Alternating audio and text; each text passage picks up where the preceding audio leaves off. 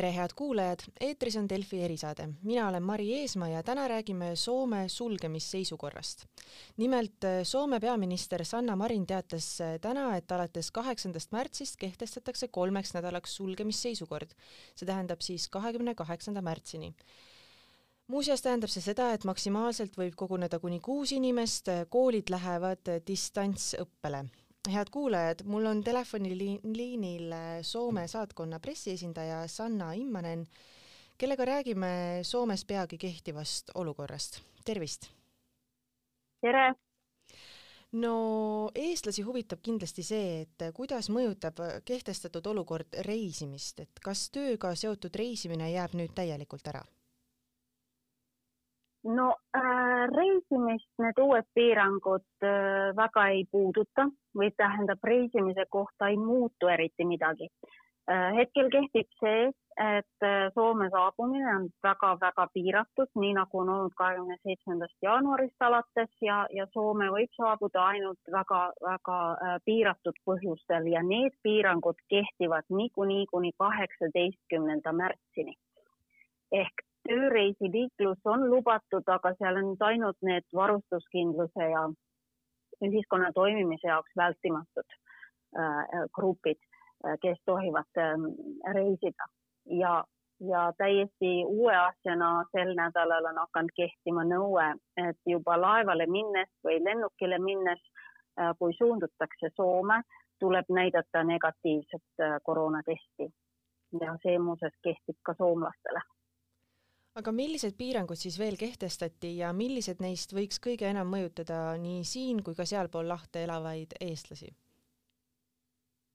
no nüüd on mm, valitsus äh, on täna äh, öelnud, et on valmidus äh, välja kuulutada hädaolukord ja on suunatud ja soovitatud, et need piirkonnad, mida on kokku umbes viisteist Soomes tervishoiupiirkondi, selliseid, kus see viiruse levik on kas kiirenenud või väga lai.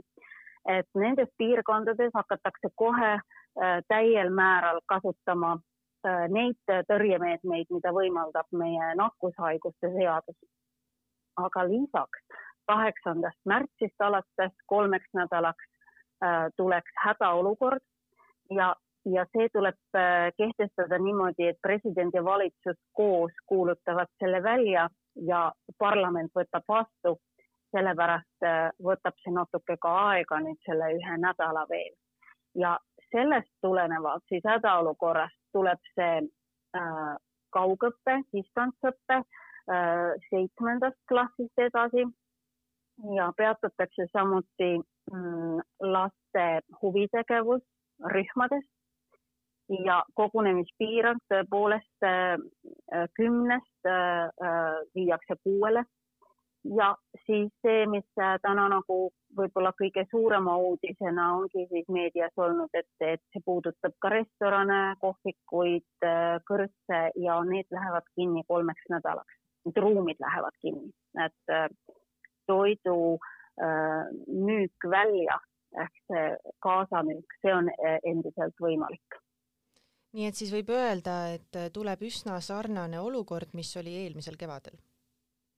nojah Aga..., see on nagu, see kindlasti äh, paljudele inimestele nagu meenutab ja tundub üsna sarnane seadusandlikult äh, ja nagu äh, ametlikult on see natuke teistsugune, see, see nagu taust, et kuidas see välja kuulutatakse, aga võib tunduda üsna sarnane küll, jah eelmisel kevadel pandi kinni ka Uusimaa maakond, et kas selliseid äh, sarnaseid kinnipanemisi on ka nüüd oodata? no hetkel ei ole, et see eeldaks äh, jälle siis karmimat seda eriolukorra kehtestamist ja see, sellest praegu ei, ei räägita, see ei ole laual äkki me võiksime veel korra üle käia, et eh, millised asutused siis üldse avatuks jäävad, et kui restoranid pannakse kinni, siis mis üldse jääb avatuks? no väga vähe on avatud, et ähm, need, kes on äh, Helsingi ja Uusimaa piirkonnaga tuttavad, teavad, et seal on äh, juba novembrist alates on olnud kõik teatrid, kinod, kontserdisaalid kinni. väga paljudes kohtades on piiratud nagu ujulate kasutamist näiteks. et ja see nakkushaiguste seadus juba sellisena, kui nagu seda muudeti hiljaaegu, lubab ka sulgeda ajutiselt kaheks nädalaks selliseid avalikke ruume, kus on see oht, et võiks tekkida nakkuskolle Eh, kui seal on see koroonaviirus on väga laialt levinud. kas see tähendab et, siis seda, et kaubanduskeskused jäävad avatuks või need ka pannakse kinni? Kaubanduskeskused hetkel on avatud, aga äh, neid kaubanduskeskuste ühisruume võib nakkushaiguse seaduse alusel ka sulgeda. üks selline tehniline küsimus ka, et mis vahe on üldse sulgemisseisukorral ja eriolukorral? no see eriolukord on see karmim äh, ja see võimaldab liikumispiirangute kehtestamise. praegu see hädaolukord võimaldab ähm, ettevõtluse piiramist. et neil on see, see erinevus ja lõpetuseks, mis siis viis ikkagi sulgemisseisukorra kehtestamiseni, et eh, soomlased on ju meile siin silma paistnud sellega, et hoiavad eh, väga hästi piirangutest kinni, on väga kohusetundlikud, et eh, kuidas nüüd soomlased ise sellele reageerinud on? Mm. no see halvenenud olukord ikkagi, et see viis uute piirangute kehtestamiseni nakkuskoldeid, suuremaid nakkuskoldeid on eh, mitmel pool Soomes ja on nähtud nüüd, et viirus levib üsna kiiresti.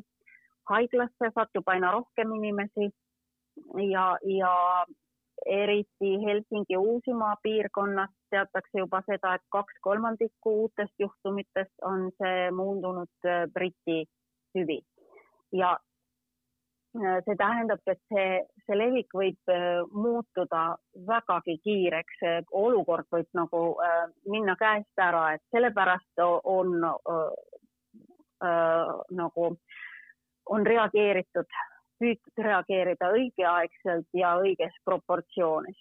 noh, muidugi on, on ilmselge, et kõik on väsinud, soomlased on väsinud, seda tõdes meie peaminister täna, et, et kindlasti on nii äh, ja, ja juba paljud restoraniomanikud on muidugi reageerinud, et ähm, et see on kõigile selline suur ja pikk katsumus ähm,. restoranipidajate seda majanduslikku olukorda kompenseeritakse äh,. aga eks selle nagu elukutselise tegevuse piiramine sööb ju närve, et, see on, see on selge tüüpiline on, et soomlased usaldavad väga palju oma juhte ja, ja ongi see koroonaaeg on näidanud, näidanud või tõestanud seda, et, et me nõustume nende piirangutega. et suur enamus ikka kindlasti, ma usun, näeb seda olukorda nii, et, et selle ühise hakkamasaamise nimel tulebki pingutada isikutel ka ja vastu pidada. et eks ma just äh, sõprade käest ka küsisin Soomes, mina ise olen ju kaua aega Eestis, et küsisin, et mis, mis tunne on täna.